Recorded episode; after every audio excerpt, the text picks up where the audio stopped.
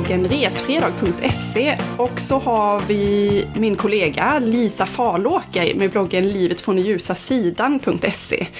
Och idag sitter jag på ett eh, vandrarhem, eller en herrgård på västra sidan av Sverige. Lisa sitter med, men vi har ljudproblem så att hon sitter och viftar på andra sidan för att hon är så spänd på vår gäst som är med i det här avsnittet. Vi har velat ha med henne och hennes familj egentligen hur länge som helst och det är familj och de ni är pratade vi om ett av våra allra första avsnitt av Att Resa-podden faktiskt. Vår gäst idag är Linda Hammarberg som är känd från TV. Linda, du är TV-kändis. Den första, allra, allra första säsongen av Familjer på äventyr. Den berömda seglarfamiljen som tog med sina barn och seglade jorden runt i flera år. Välkommen hit Linda! Tack så mycket. Jättekul att äntligen få till det och podda tillsammans med, Mm. med dig. Du är ju, på något sätt har ni blivit ett varumärke, ett kännetecken för hela seglar-Sverige. I alla fall utanför seglarkretsar kanske. Ja. Ja, Och vi pratade precis om, eh, skrattade lite här, vad namnet på er blogg. Jag har alltid sagt Symari. Mm. Och det stämmer inte alls, för seglarfolk tycker att jag är jättekonstig och uttalar det helt fel. ja det, det är egentligen SY Mary som är Sailing Yacht Mary. Båten heter Mary av Rövarhamn och då döpte vi bara bloggen efter båten och det blev då Sailing Yacht Mary för det är den internationella beteckningen på, på båten. Bra, så det är ingen syblogg. Nej, det är ingen syblogg. Men Det eh, kan vi vara tydliga med. Det är, ja. det, det är ett roligt missförstånd. Ja, Ja. men SI Mary är bloggen så vi har kunnat följa med er. Men vi har ju också kunnat följa med på TV. Ja, slutet vår resa skildrades eh, på tv. Och vi kommer prata mycket mer om det här, men först vill jag bara säga att en av våra tidiga gäster som vi har haft med, det är ett cykelpar som bloggar under Velo Velo. De gav sig ut och cyklade jorden runt, inspirerade av att ha sett er på TV. Ja, jag kan nog inte ta åt mig hela äran för det, men det var ju väldigt häftigt. Det är jättekul. Men det var så deras tankar satte igång Ja. om det här äventyret och de bara, men vi kan ju faktiskt inte riktigt segla. Ska vi göra någonting annat? Ja, men vi kanske ska cykla istället. Ja, det är skithäftigt. Det är jättekul. Verkligen. Men nu kan... följer jag dem istället. Ja, men Ja. allting går igen. Det är superhäftigt. er familj består av dig Mm. och berätta mer. Vilka är ni? Berätta gärna lite om dig och din familj. Ja, det är jag och det är min man eh, Ludvig. Eh, Och våra barn Lovis Otto som nu är 10 och 12 år gamla. Vi bor i Marstrand, västkusten, men kommer lite utspridda från landet. Barnen är födda i Malmö, jag kommer från Blekinge och min man kommer från Stockholm. Därför jag gillar dig så mycket, extra mycket, för att du kommer från Blekinge. Såklart. Ja. Men hela den här historien om att segla jorden runt, om vi börjar där, eller ert seglarintresse överhuvudtaget bakåt i tiden. Hur, hur ser det ut? Har du alltid hållit på med båtar? Och Ludvig också, din man. Alltså jag är uppvuxen på en bondgård fem kilometer från havet, så inte jättelångt bort. Men vi hade ingen båt. Däremot så är jag uppvuxen med en far som reste väldigt mycket. Och istället för godnattsagor så, så berättade han om sina resor eh, på kvällarna tills jag somnade. Så jag bestämde väldigt tidigt i, i mitt liv att jag ville resa mycket. Eh, jag har en gammal kompis som säger det, liksom, att det var det enda jag pratade om som barn. Liksom, vad jag skulle, när någon frågade vad jag skulle göra när jag var stor så skulle jag resa. Min man däremot eh, är uppvuxen med en massa seglarkompisar och när han var 14 år så seglade han från Stockholm till Gotland första gången tillsammans med sina kompisar. Och då låg han och läste en, en seglingsskildring som är en sån här riktig rövarhistorieskildring som är jättehärlig som heter En otrolig seglats utav Tristan Jones. Och då bara kände han det här måste jag göra, jag måste segla långt, jag måste segla länge. Så gick åren och så träffades vi och då någonstans så tyckte vi att men vi var egentligen samma skrot och korn liksom. Det borde vara, kunna vara två drömmar som gick att kombinera. Och då hade jag redan varit ute och rest i många år då. Och han skulle just köpa en liten eh, båt eh, och eh, långsegla, segla iväg tillsammans med en kompis. Så vi inledde vårt förhållande med att han skulle vara borta två till fem år, sa han. Oj då. Men eh, det, det, det slutade på ett annat sätt. Utan eh, då så stack min man eh, iväg med sin kompis eh, på den här lilla båten. Jag hade bara seglat lite grann i skärgården fortfarande och kände mig ganska sviken. Eh, men efter ett halvår ungefär så tog pengarna slut för dem och de var ju bara 22 år tror jag. Eh, och hans kompis hoppade av. Och då ville ju jag ha hem Ludvig. Så då blev det så att jag mönstrade på den här båten nere på Madeira och seglade hem via Azorerna. Och det var i princip första gången jag seglade mer än några timmar i skärgården. Det var en veckas vecka till havs från Madeira till Azorerna på, ja, på Atlanten då.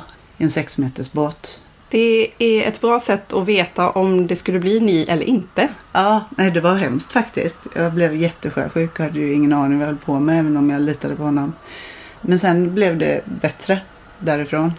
Och eh, någonstans så insåg jag liksom charmen med att komma fram med segelbåt. Och den här liksom otroliga känslan jämfört med när man har flugit någonstans.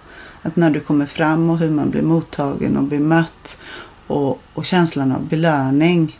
Att man verkligen har förtjänat att vara där och man har rest i tid. Det är inte bara liksom en man, man har verkligen liksom, det har tagit den tid det tar att komma dit och det är riktigt, riktigt god känsla att komma fram på det där sättet. Men också lugnet som uppstår ute till havs.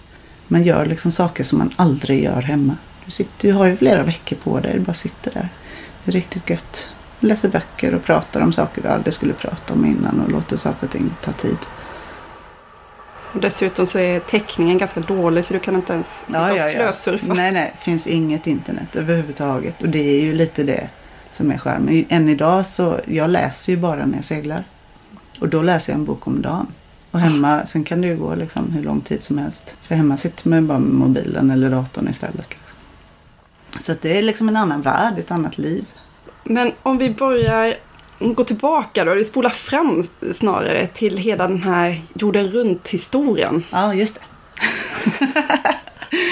ja, vi bestämde oss då att vi, eh, vi, den här båten var väldigt liten och bekväm. Så jag sa att Nej, men vi gör det här, men vi skaffar en större båt. Men vi var väldigt unga, det här länge sedan. Så vi började leta efter en större båt, en båt helt utan begränsningar. Alltså en riktigt bra båt eh, som kunde ta oss var som helst. Och det tog oss tre år att hitta den här båten. Så köpte vi den, så upp lägenheten och flyttade ombord. Men hade fortfarande inte särskilt bråttom. Vi hade inga, inga pengar egentligen. Fick ju låna pengar till den här båten. Och då var vi väl 25 ungefär. Och eh, ja, vi sparade ju pengar då medan vi bodde på båten. Och blev allt bättre på prioritera och konkretisera. Vi seglade varje sommar. Och sen så levde vi ganska snålt resten av året då.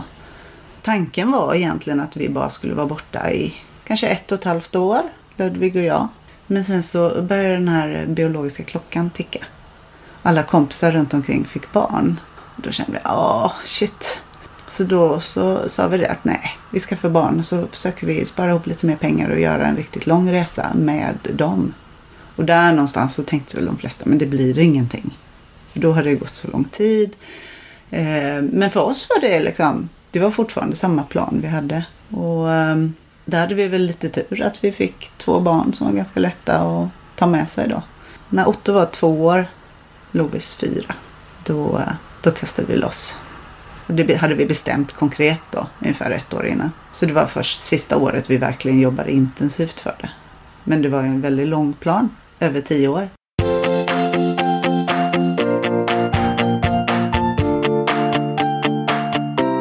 säger jobbade intensivt, vad innebar det rent konkret? Eh, dels så handlar det om att utrusta båten. Sen handlar det om att planera för att vara borta så länge. Vårt plan från början var att vara borta tre år. Vi blev borta i fyra år. Och eh, att avveckla sitt liv där hemma helt enkelt. Nu så här efteråt kan jag undra vad vi höll på att stressa runt med ett år. För idag skulle jag kunna kasta loss direkt.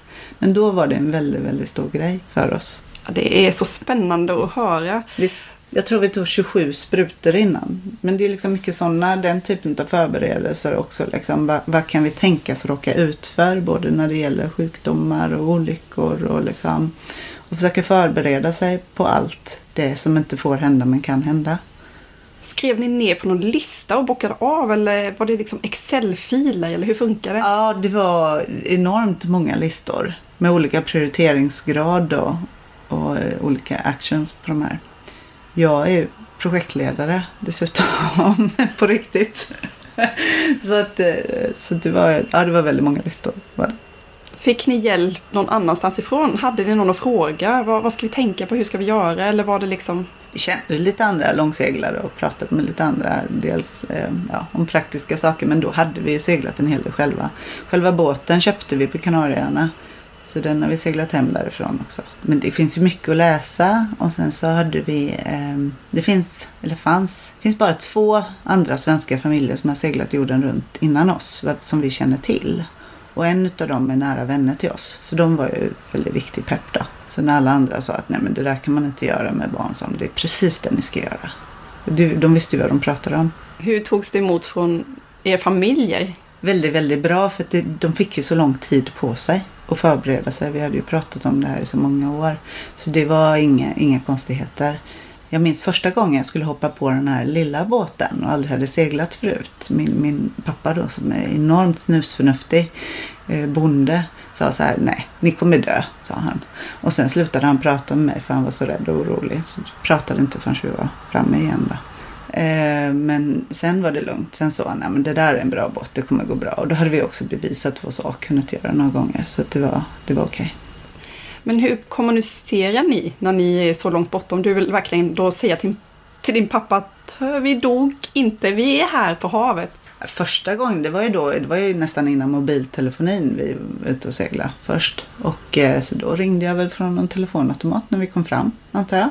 Men sen på världsomseglingen hade vi med oss satellittelefon. Vi pratade aldrig i den men vi visste att vi kunde om vi behövde. Det här med alla praktiska detaljer. Jag tänker de som lyssnar är så här, men var börjar man ens? Och hur vet man med visum och olika allt det här krånglet som det innebär att resa och vad gäller om man seglar? Är det samma regler som gäller? Nej, det är inte samma regler. Det är olika regler i alla länder precis som man flyger tror jag. Vi hade ju en grov plan på resrutt som man anpassar efter strömmar och vindar. Du kan bara vara på vissa platser vissa säsonger. Eller bör bara vara på vissa platser vissa säsonger. För du har ju eh, orkansäsonger och cyklonsäsonger och sådär att ta, ta hänsyn till. Eh, så där fick vi börja med att studera alltså vind, vind och strömmar och, och vädersystem. Eh, för att se, kunna lägga upp en någorlunda rutt då. Det försökte vi bara planera ett halvår i taget, alltså en säsong i taget. Och utifrån det då så kunde man se ja, men vilka länder passerar vi, vart vill vi eh, och sådär. Och eh, så får man kolla upp då varje land vad som gäller. Och det har ju hänt att vi har varit spontana och fått skippa vissa platser men i regel så har det mesta kunnat lösa sig. Men det är ändå inte så många länder som man behöver visum. Däremot så kan det vara så att du måste ha anmält en månad innan att du ska dit. Att du kommer med din båt och fyllt i en massa papper.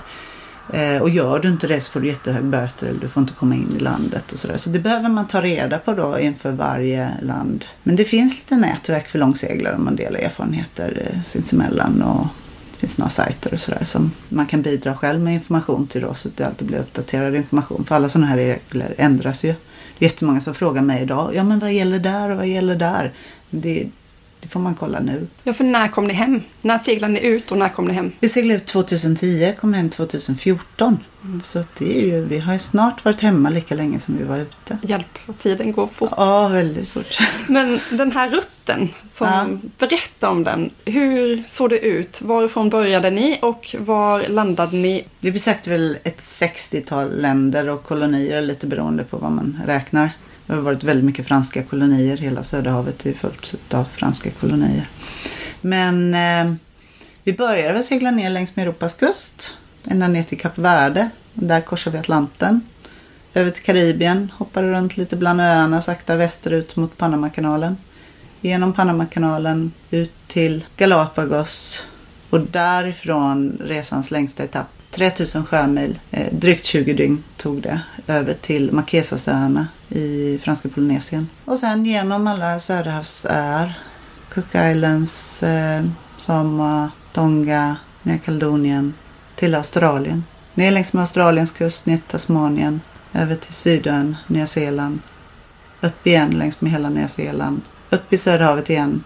Då var vi tvungna att gå ner där för då var det cyklonsäsong i Söderhavet och då så fick vi gå söder, längre söderut där det är bättre väder. Och sen upp igen då när cyklonsäsongen var över.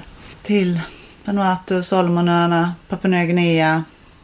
Vidare in genom Indonesien och Sydostasien. Tvärs över Indiska oceanen, massa öar där. Runt Sydafrika, över till Karibien och sen hem igen via Kanada och Grönland. Massa ställen som jag hoppar över, men ungefär så. Alltså jag tänker spontant när jag hör det här och Alltså det, det, går inte ens att föreställa sig. Det här är ju drömresmål. Om någon kommer till en av de här platserna under hela sin livstid så kan man gå och drömma om den platsen resten av livet. Men ni har varit på alla de här ställena. Ni åkte iväg med en tvååring mm. på båten. Mm. Och jag tänker på min egen tvååring som nu är tre. Som jag inte kunde ha still i en sekund. Hur gick det att ha med barnen på den här seglatsen? Alltså det barn, små barn behöver det är ju framförallt trygghet hos sina föräldrar. Och de hade sina föräldrar dygnet runt väldigt nära och vi var lediga. Så det gick väldigt bra. Men att ha koll på dem hela tiden, som inte ramlar liksom över bord, eller nu säger man va? Över bord. Värderad overall. Nej, men flytväst är bra på många sätt. Eh, vi har alltid, hela familjen, haft sele och flytväst till havs. Så att vi är kopplade till båten. Så det kan liksom inte hända så mycket. Och en flytväst är dessutom ganska bra värderad. Så faller man så faller man mjukt. Eh, och de har ju växt upp i den här miljön. Vi bodde ju på båten. Otto var fem dagar gammal när han flyttade in i båten direkt från BB och Lovis var tre dagar gammal. Så att det, är ju, det är ju hemma för dem. Och det, jag tror att det därför var det inte så stor grej. Dels hade vi, sen hade vi också seglat tre månader varje sommar innan dess. Så det var ingen jättestor grej. Det var ju, det var ju hemma precis som någon annans hemma. Men var, var du någonsin orolig? Alltså det måste ju hänt grejer, väder, ja, men du pratar om cykloner och... Ja, men de undviker vi ju. Ja, bra. ja, nej. Jag var inte så värst orolig för, för väder i sig, för det blir man väldigt duktig på att eh, prognostisera och undvika. Sen kan man ju eh, naturligtvis råka ut för någonting ändå. Men eh, vi var extremt försiktiga tycker vi. Vi hade också en eh, kille som större delen av resan hjälpte oss med personliga väderprognoser som han skickade via satellit. Så vi visste så fort någonting var på väg och kunde ta en omväg och vi, var vi osäkra så stannade vi alltid i hamn. Eh, så vi var väldigt försiktiga. Men sen är det klart att när man råkade ut för någonting, att det blev lite jobbigt, då gällde det ju särskilt i början av resan att visa för barnen att men det här är ingen fara. Så här är det ibland och så här hanterar vi det. Och prata mycket med dem och förklara. Vi, vi hade när vi korsade Biscaya precis i början av resan så här fick vi riktigt jobbiga vågor som bröt över över båten. Fick in en del vatten också i båten och då, då var det sådär, då sa lille Otto, han var bara två år, då sa jag tycker inte om när det kommer in vatten genom taket mamma, sa han då på, på sin ganska enkla svenska. Och, och då var jag sådär, ja nej, det gör inte jag heller, men det är därför vi har den här pumpen. Du vet, det här handtaget. Kom och hjälp mig pumpa ut det. Och då blir det jätteroligt och spännande. Och då får jag pumpa nu igen. Och att man liksom utåt tar allting med, med ganska stort ro då. Även om man kanske är lite bekymrad inuti. För det som oroar mig mest, det är ju att de ska bli rädda och inte veta vad som händer och känna sig otrygga. Jag är inte så orolig för vädret till exempel, för det vet jag att vi kan hantera. Det är ingen fara, men jag vill inte barnen ska bli rädda. Så det oroar jag mig för. Så därför så gäller det att vara liksom ganska cool på, på utsidan och bara inte visa det, att man är bekymrad. Det blir man bra på.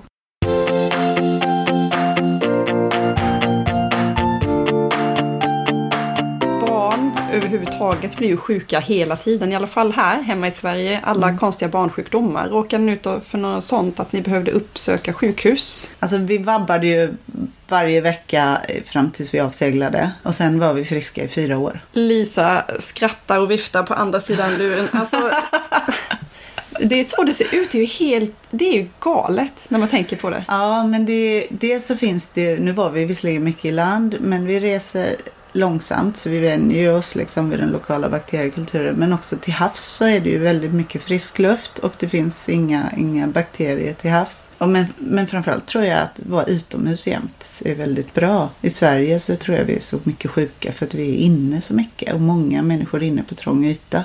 Och vi har ju varit på extremt många platser där det inte är så mycket folk. Men de få gånger vi var i en storstad, då, då fick vi ofta någon form av förkylning efteråt. Men vi var jätteoroliga att när vi kom hem att vi skulle få allting då. Men det här har bara stärkt vårt immunförsvar, så vi är jättefriska också nu. Fast ni bor ju också nu. Mm. Nära, att ni bor ju på en ö, vi i skärgården, så ni får den här friska luften. Ja, vi, vi är ute och seglar varje helg dessutom året om. Så att jag, vi får mycket frisk luft. Och jag tror faktiskt det är väldigt nyttigt. Men om vi pratar lite mer om resan och höjdpunkter.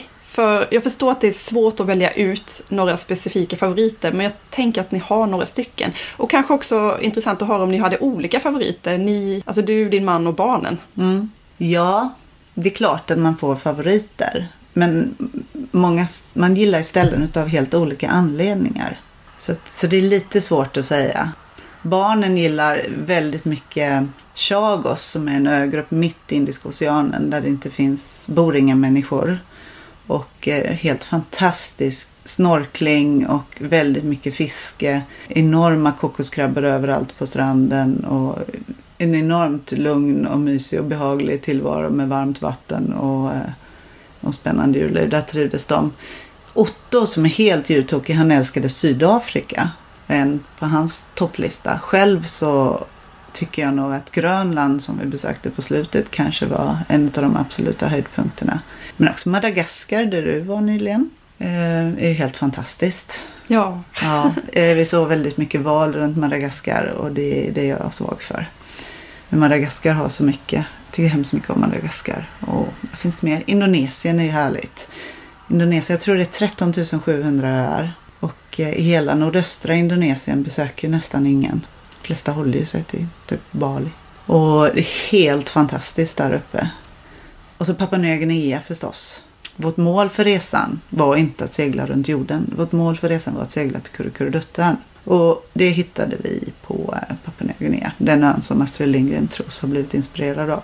den finns verkligen på riktigt. Tror Ja. man. Ja. Mm, den heter inte så. Men Astrid inspirerades av en eh, svensk sjöman som förliste utanför en ö utanför Papua Nya Guinea i, i början av förra seklet. Och och eh, han flöt i land där och gifte sig med hövdingens dotter och fick nio barn och blev eh, själv hövding på den här ön. Och skrev långa brev och skickade bilder hem till Sverige som publicerades i tidningarna på den tiden. Som Astrid läste. Och eh, det är därifrån hon har fått nästan alla detaljer i Pippi-sagan. För det här var ju långt innan folk ens visste vad en kokosnöt var i Sverige. Så enormt mycket detaljer i hennes böcker är hämtade från då den här svenska mannens eh, skildringar och brev. Eh, den ön heter Tabar Island i verkligheten då, där han bodde. Så vi seglade dit. Och det var målet. Och då hade vi kommit halvvägs och då är det nästan lättare att fortsätta än att vända tillbaka. Men blir det inte lite så här antiklimax när ni väl kommer fram till det här målet som ni haft under så många år och så Mm. kommer ni dit och så bara, jaha, vad ska vi göra nu? Vi var lite oroliga att barnen skulle bli besvikna för det var Lovis idé att vi skulle segla till Kurrekurreduttön. Det sa hon ett år innan vi kastade loss och då sa jag okej då gör vi det. Då visste jag inte att den fanns. Men det tog jag reda på då. Men vi hade ju besökt jättemånga öar, Söderhavsöar innan dess. Vi var väldigt oroliga för att de skulle tycka att ja, men det här var ju bara ännu en ö.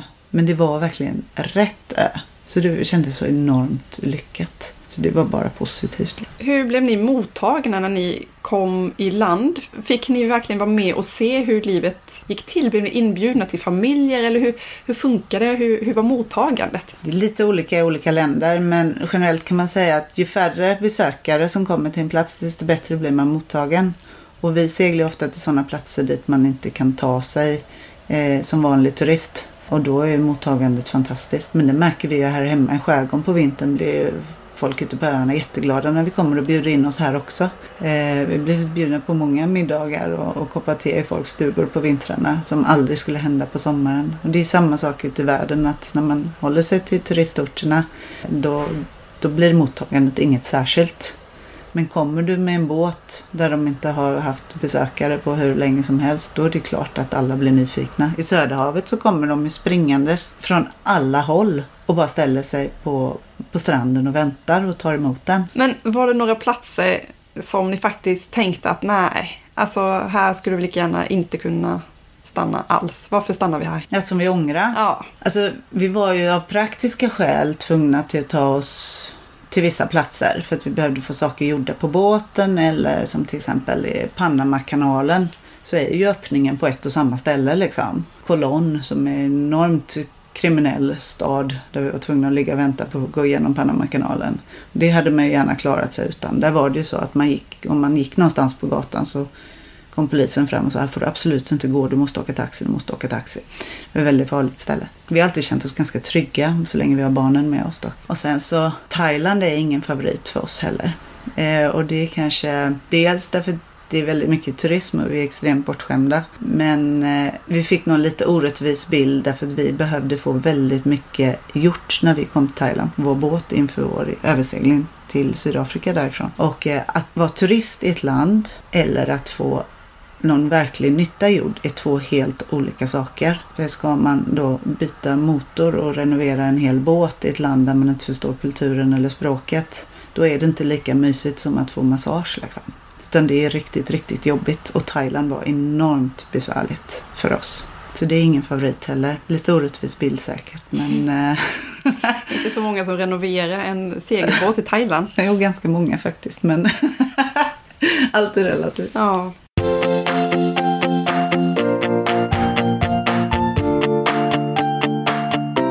Här med er research, alla de här ställena som du berättar om. Hur, mm. hur visste ni vad ni ville åka och var hittade ni inspiration och information om de här platserna? Nej, men det har, dels så har vi läst väldigt mycket böcker om andra långseglare eh, som har skrivit. Det här var lite innan bloggarnas tid nästan, eller det var bloggarnas vagga.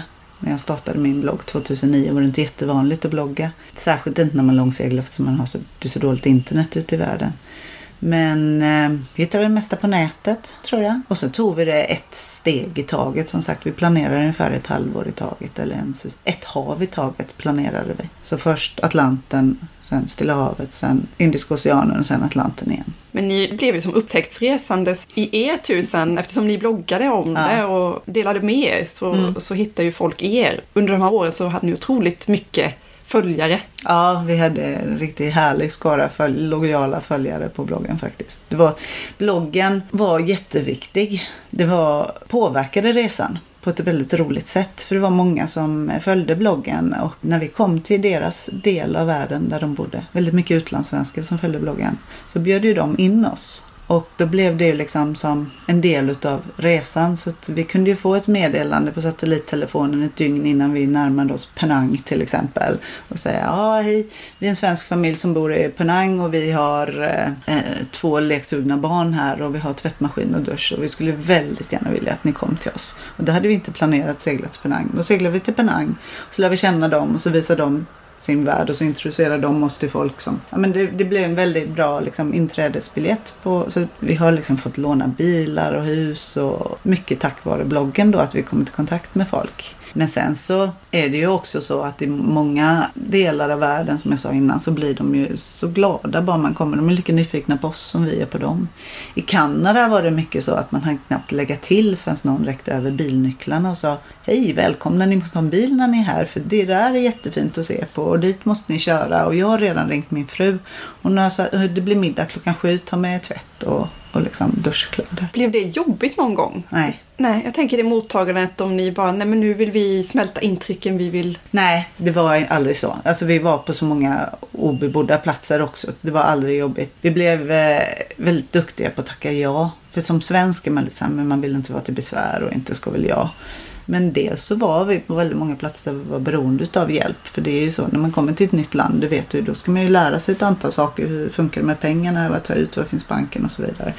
Och vi blev väldigt duktiga på att ta emot hjälp och tacka ja till inbjudningar därför att vi insåg att det berikade ju vår upplevelse och det, på det sättet som vi fick vänner som vi har kvar än idag. Så vi blev enormt duktiga på att tacka ja och tänka att vi får hjälpa andra i vår tur.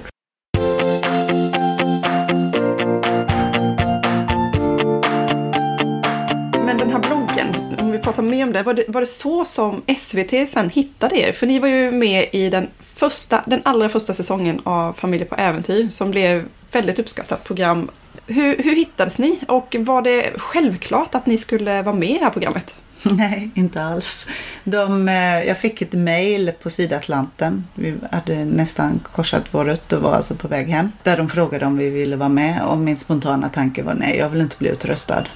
Eh, för så brukar det vara. Liksom. Men de skickade lite mer information och eh, vi var väldigt tveksamma men så sa de att de ville göra ett pilotavsnitt med oss. Alltså de ville prova att spela in ett avsnitt med oss för att sälja in idén till SVT. Det var alltså produktionsbolaget som kontaktade oss. Och gillade inte vi det då, det de gjorde, så behövde vi inte vara med. Så då bestämde vi att de skulle komma till Barbuda i Karibien och det var så himla positivt och roligt. Eh, det var jättespännande. Dels så kom det ett superhärligt gäng på tre personer som pratade svenska. Våra barn var så överförtjusta när de fick prata svenska för det var väldigt ovanligt.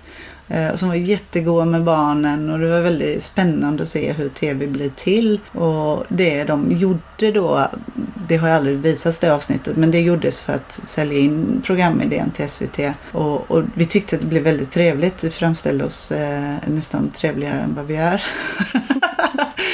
Och eh, så tänkte jag, då vadå, jag har alltid varit lite dålig på att filma. Eh, utan jag har fotat mycket. Och så tänkte jag, men det är kul att liksom få, få lite liksom proffsigt filmat material från resan.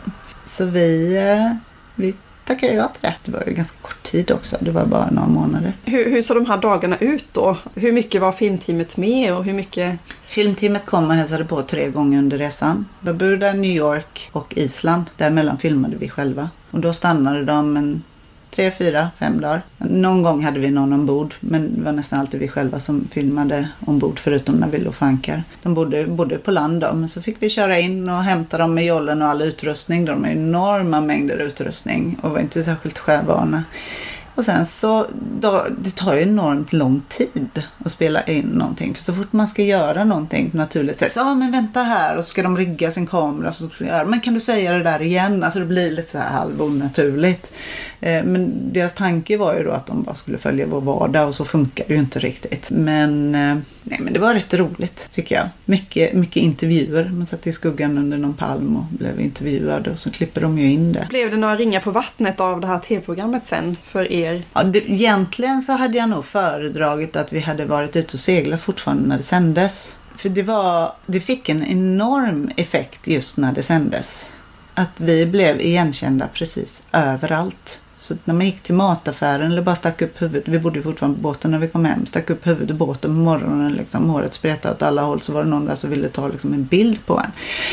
Det där var extremt jobbigt. Och Lovis, vår dotter, tyckte också det var jättejobbigt. Men det gick över fort. Först så visste ju alla var de kände igen oss från. Efter ett par månader så var det någon som de kände igen oss från TV. Kanske var det liksom ja, men äntligen hemma eller någonting. Ja, men förstår du att de visste inte riktigt varifrån de kände igen oss. Och sen så efter bara ett halvår var det så här, har vi träffats någon gång? Så det gick över väldigt, väldigt fort. Men ni har varit familjen Hammarberg med hela svenska folket i alla Ja, fall. En kort period. Ja. Och nu är det fortfarande, alltså inom, inom seglarkretsar vet ju väldigt många vilka vi är fortfarande. Men bland, bland allmänheten så, så händer det nästan aldrig. Ja, fast jag vet när jag har sagt att vi ska spela in Ja. det här programmet, de flesta känner ju igen, om det är någon familj som har kommit ihåg från de här avsnitten så Ja. är det ju familjen som seglade med sina barn. Ja, Ja. jo kanske. Mm. Men lite mer om barnen. Eh, Jag har ju själv tre barn och tänker på skolplikt. Hur gjorde ni med det? För Lovis var ändå fyra år när ni åkte ut och ni var borta i fyra år.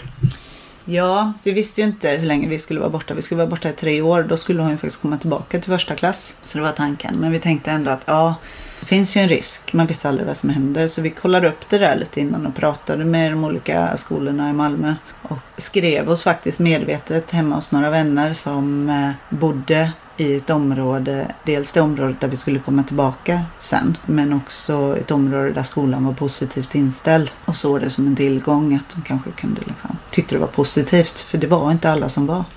Men eh, sen insåg vi ju att när man har varit borta ur Sverige i är det, ett halvår eller ett år så ska man ju skriva ut sig och därmed så upphör skolplikten så det här är ju inget problem. Och nu blev det så att vi var borta i fyra år så Lovis missade förskoleklass och ettan och Otto missade förskoleklass och vi är hemskolare på båten. Och det var inga konstigheter för i nästan resten av världen så börjar man skolan när man är fem år. Så våra barn ville ju verkligen börja skolan. Så vi började redan när de var fem år och så tog vi det väldigt, väldigt lugnt istället. Det var rätt lätt. Vi hade bara skola när vi seglade. För då hade vi ändå inget bättre för oss. Liksom. Då hade vi lite skola några timmar på förmiddagen ibland. Och sen var det, fick det vara studiebesök resten när vi var i land.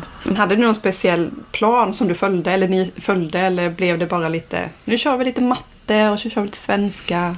Alltså vi hade ju kollat upp lite vad de behövde kunna och så hade vi med oss lite böcker. Mm. Men det är inga konstigheter i den åldern. Det är ganska lätt. Och när de kom tillbaka så kunde de ju mer än tillräckligt. Däremot så finns det ju andra saker som de missat. Även om vi samseglade med andra barnfamiljer ibland och de har träffats massa, massa andra barn så, så är det sociala spelet, sitta stilla en hel dag och den typen av grejer som är, liksom, blev en utmaning för dem. Då. Det gick bra. Det gick bra. Ja. Berätta mer om det här med barnen och deras upplevelser när ni pratar med dem och hur de... Hur tror du att det har påverkat dem? Ja, de var ju ganska små på gott och ont. Det betyder att de glömmer mycket. Men det har absolut präglat dem som människor. Eh, De är enormt nyfikna på allt som är nytt. Kan vi inte äta någonting vi inte ätit förut, mamma? De vill liksom prova och smaka allting nytt. De älskar att resa och vill resa mycket mer än vad vi gör. Eh, de är väldigt positiva. Till exempel så kom eh, flyktingboende då ute på Marstrand en, en, en period.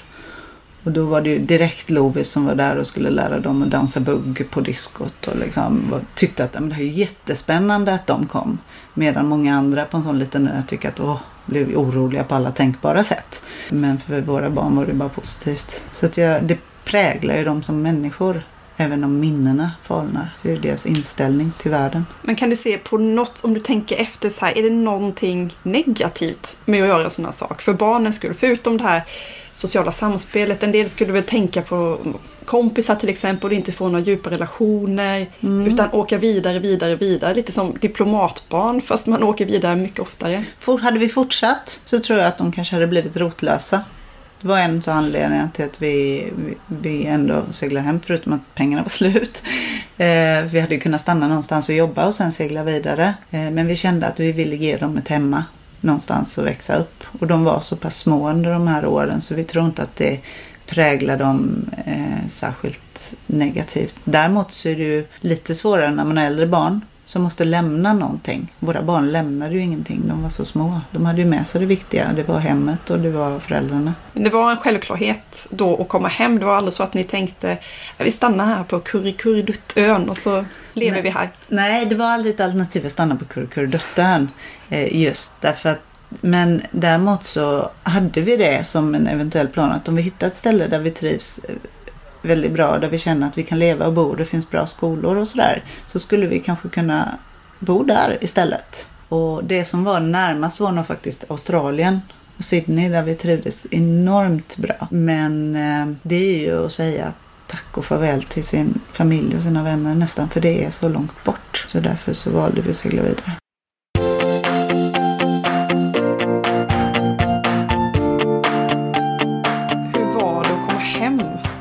Blev det, gick du in i någon slags depression eller var det spännande att komma hem och påbörja allting? Du vet, skriva sig in i systemet igen, fixa skola, ens bestämma var ni skulle bo, för det visste ni inte. Nej, vi, eh, vi visste, vi hade en båtplats. Så vi visste att vi skulle bo där och vi skulle bo i båten. Så därför så blev det inte så stor förändring.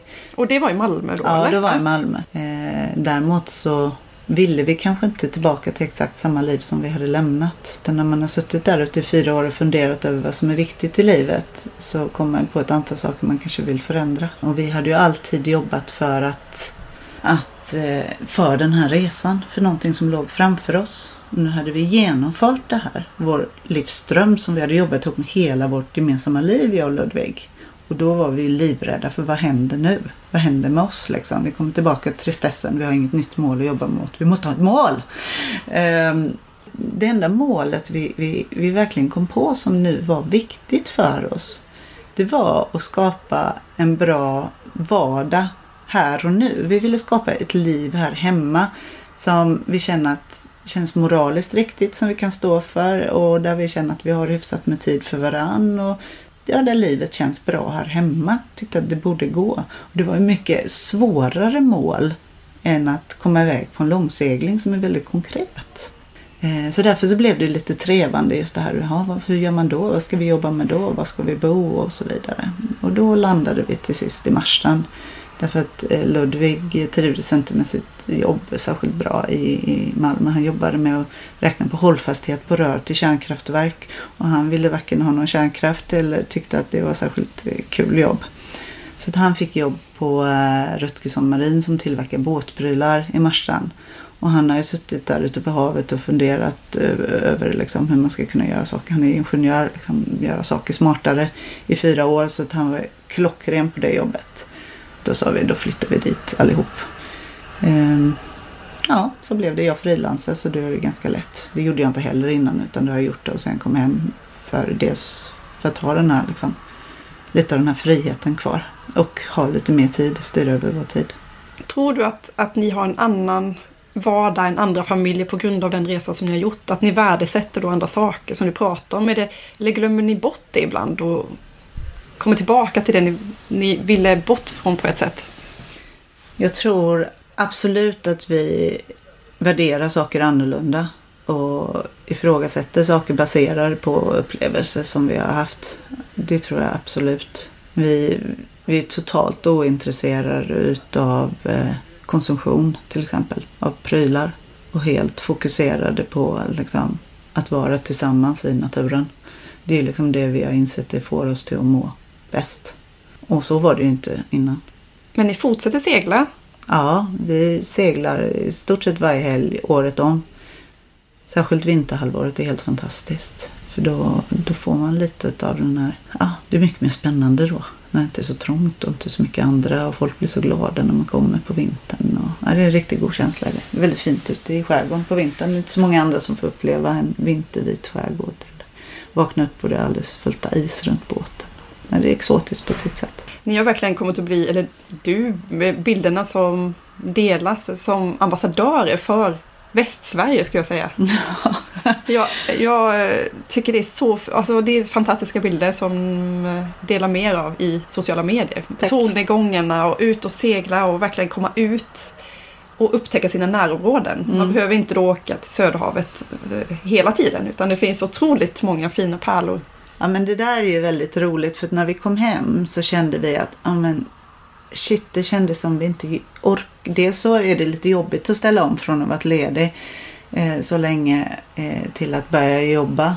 Eh, det tar väldigt mycket på kraften så man har inte så mycket energi kvar. Men vi kände att vi gjorde ingenting som var värt att minnas eller komma ihåg. Eh, och det låter kanske lite konstigt men det tog ett tag att ställa om. Men nu så i och med att vi bor mitt i skärgården så är vi omringade utav liksom hur många öar och hamnar som helst. Och nästan varje helg så upptäcker vi någonting nytt. Och nästan varje helg när jag kommer tillbaka på söndagen så har jag, bär jag med mig någonting som jag vill berätta om. Men däremot kommer måndagen och tar, kommer i kappen lite så därför så bloggar jag inte lika mycket längre. Men jag känner liksom, jag kommer tillbaka med full full energi men också full med nya historier och upplevelser som jag vill berätta om. Ungefär som när vi var ute och reste. Så det ger oss otroligt mycket. Men det är ett väldigt trevligt ställe att bo på just av den anledningen. För det finns så mycket nära att upptäcka. Och jag är helt förälskad i Sverige. Jag tycker Sverige är sagolikt land. Det är verkligen jättefint. Vilka är dina absoluta favoritställen i Sverige? Åh, jag har visserligen seglat längs med hela Sveriges kust. Men inte varit så värst mycket i inlandet. I alla fall inte som turist. Jag har rest en del i jobbet. Men, så jag har hela fjällen i stort sett outforskade förutom någon enstaka resa. Sådär. Så det är någonting som jag verkligen känner ett sug för och längta efter. Men jag är väldigt svag för, för Bohuslän. Jag tycker om de här liksom, kala klipporna och, och enkla samhällena långt ute i skärgården. Jag tycker om avlägsna platser överhuvudtaget. Men sen tycker jag Skåne är väldigt fint också. Österlen. Ja, men det finns mycket fint. Och Blekinge såklart. Som ja, är så här såklart. gulligt. nu när ni har kommit hem, ni har varit hemma några år. Märker du på barnen eller på er själva att det finns en längtan efter ett nytt storslaget äventyr? Eller känner ni att det här var en gång i livet, det var så enormt så att nu kommer vi att bo här och segla ut på helgerna? Det är en jättebra fråga. Genomgående för folk som har gjort en så lång resa som vi har gjort är att de längtar ut igen och aldrig känner sig tillfreds hemma. Utan hela tiden drömmer sig bort. Och det påverkar väldigt mycket hur man mår här och nu. Så att jag, eh, och där är inte vi. Vi är väldigt nöjda med att vara med det livet vi har skapat oss här hemma så att säga. Eh, och otroligt nöjda med den resa vi har gjort och att vi gjorde den när vi gjorde den när barnen var, var små och den tiden man vill vara med sina barn som mest och de är som absolut härligast och ljuvligast.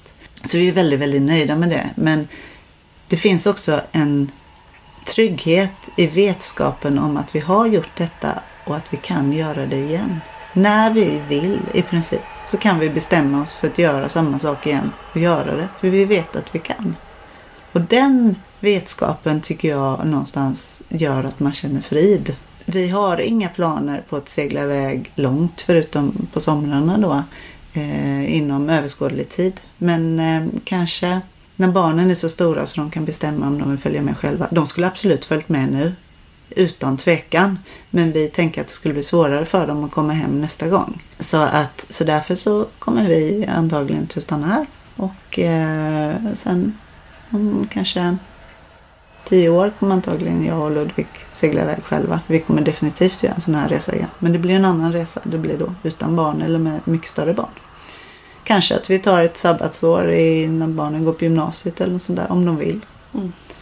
För det vore kul att göra det tillsammans med familjen en gång till. Men jag har ingen brådska alls. Så skönt att höra dig säga det. För jag tror att det finns en så stor risk när man har gjort något sånt här att du inte kan att ni är verkligen ett bevis på att det går sen att komma tillbaka och leva här och nu och ta med sig de lärdomarna och göra, skapa en bra vardag här. Ja, jag var lite orolig att det inte skulle gå att skapa en bra vardag i Sverige men det var ju vårt, vårt nya mål. Vi är väldigt målinriktade. Så att eh, då handlar det ju om att, att fatta beslut baserat på det hela tiden. Liksom bidrar det här till att vi får mer tid tillsammans? Bidrar det här till? Och annars så kanske man inte ska göra just det. Mm. Men ja, vi märker om man jämför med andra som har kommit hem som mår mycket sämre och längtar bort att vi, vi mår ju väldigt bra. Vi, vi är väldigt belåtna och nöjda med våra liv. Sen är det klart det är så små saker liksom, men eh, stora hela. Men ni har verkligen uppfyllt er livsdröm. Har du något tips till alla som sitter där ute och tänker Ja, jag vill så gärna, vad det nu än må göra. Några tips för att, hur ska man uppfylla sina drömmar? Hur? Att man ska göra det, det är ju det viktigaste tycker jag. De, det sägs ju att det finns två saker folk ångrar på dödsbädden. Och det ena är ju då att de inte tillbringade tillräckligt mycket tid med sina barn när de var små. Och det andra är att eh, de eh, inte försökte uppfylla sina drömmar.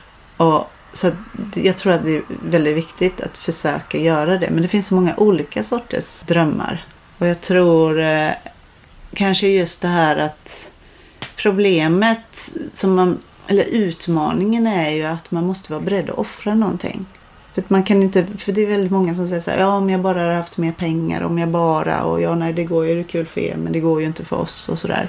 Man måste vara beredd att offra någonting för att få något annat.